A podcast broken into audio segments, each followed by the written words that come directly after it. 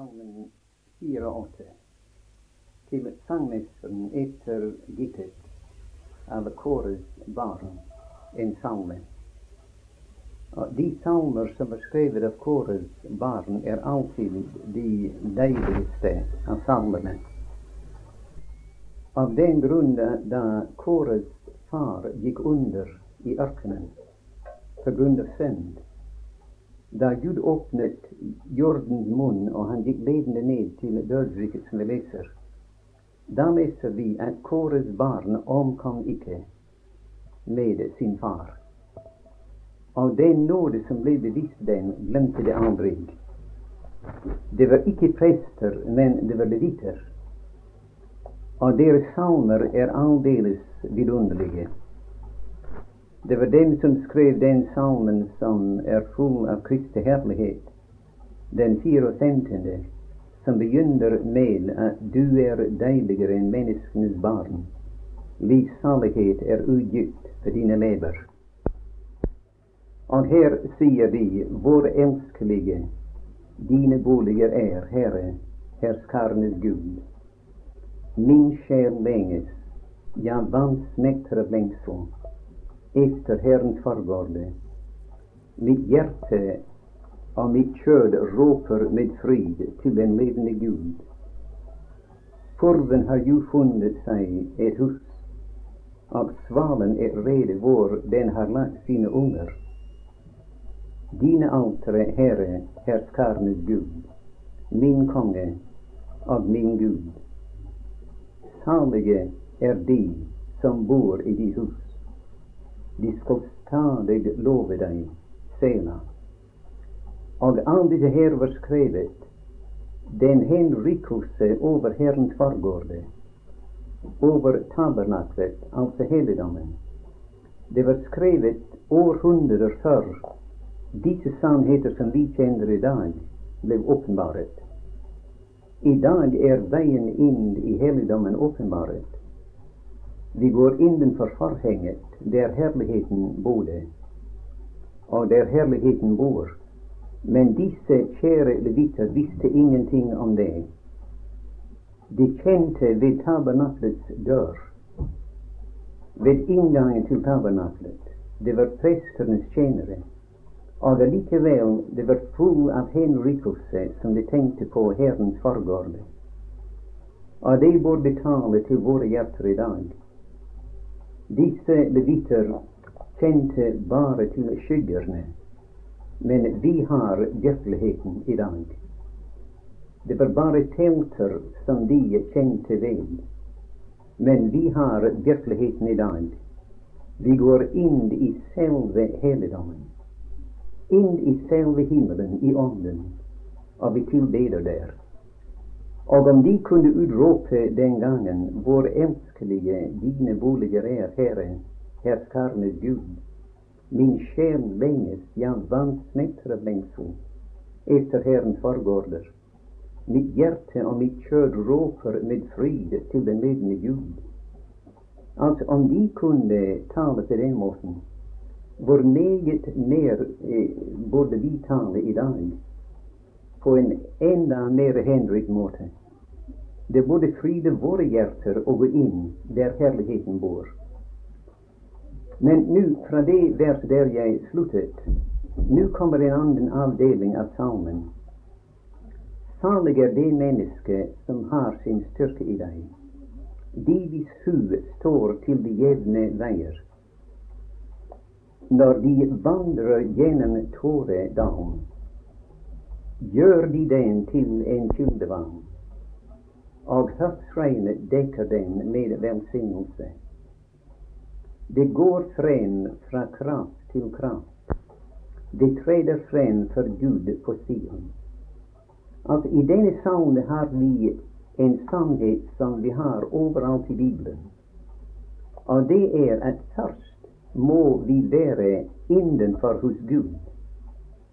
Først må vi vite hva Gud er for oss, og hva Han har gjort for oss. Av siden kan du gå ut til verden og være for ham ute i verden.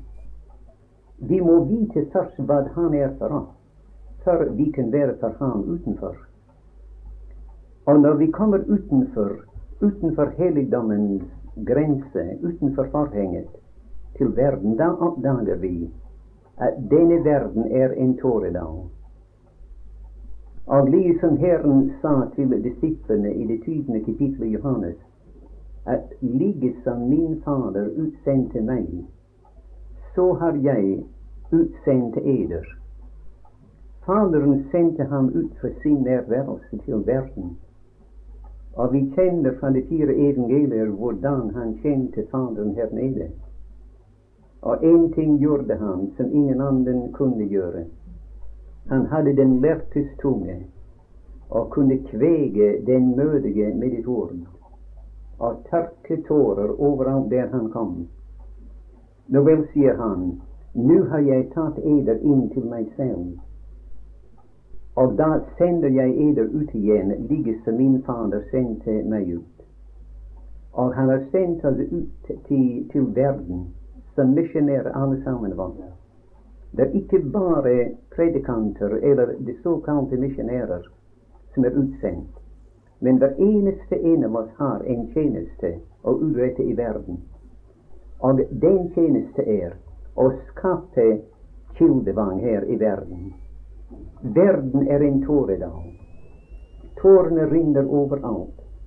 Og vår oppgave, vår misjon altså i verden, er å tørke disse tårer. Og å tale det kvegende ord til disse tunge hjerter som er rundt omkring oss. Så vi finner her altså etter disse kjære leviter hadde frydet seg i Guds helligdommer og de, de ropte med fryd til den levende Gud. Det har vært innenfor.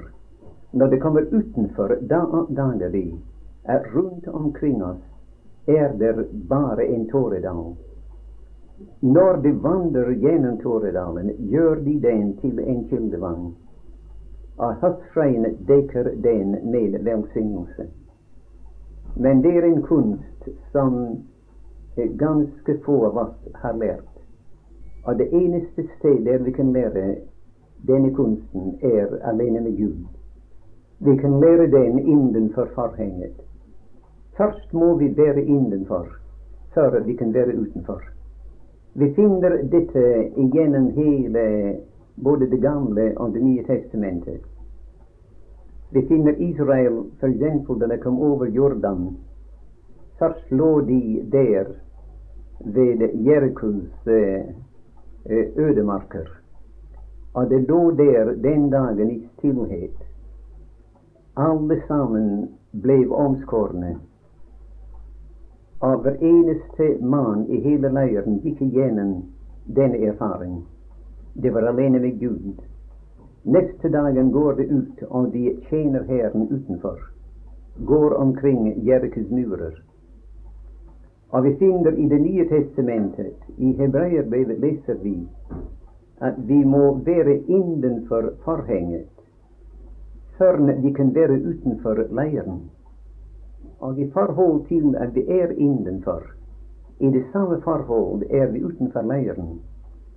Og der ute treffer vi disse sanne hjerter, tunge hjerter, gråtende øyne i denne verden og vår oppgave er, som vi leser her i salmen, å lage kildevann og tørke tårer. Til vi, som vi leser i det syvende kapittelet i Johannes evangelium, i det fjerde kapittel sier Herren til kvinnen ved Jakobs brønn at jeg skal gi deg en kilde av levende vann, og den skal dele frem til evig liv så at du selv, sier han til denne kvinne, blir tilfredsstillet.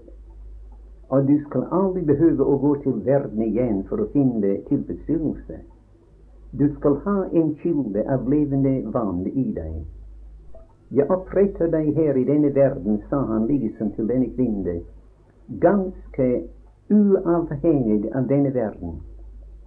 Men i det syvende kapittel sier han om vannet, at den skal strømme igjennom oss.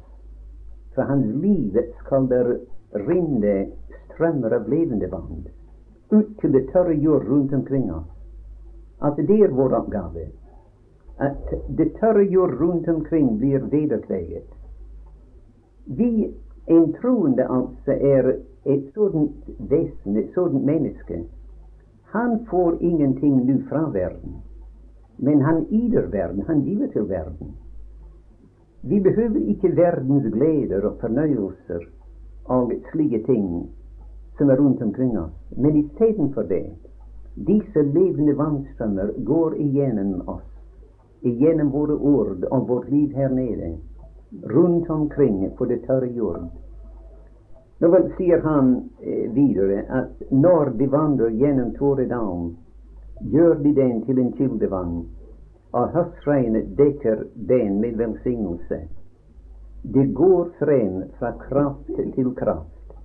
Det treder frem for Gud på Sion. Til de som lever i den første delen av salmen, og vet hva det er å være innenfor forhenget med Herren, og fryder seg i Herrens eh, forgårde, roper med fry til den levende Gud. De skal gå frem fra kraft til kraft.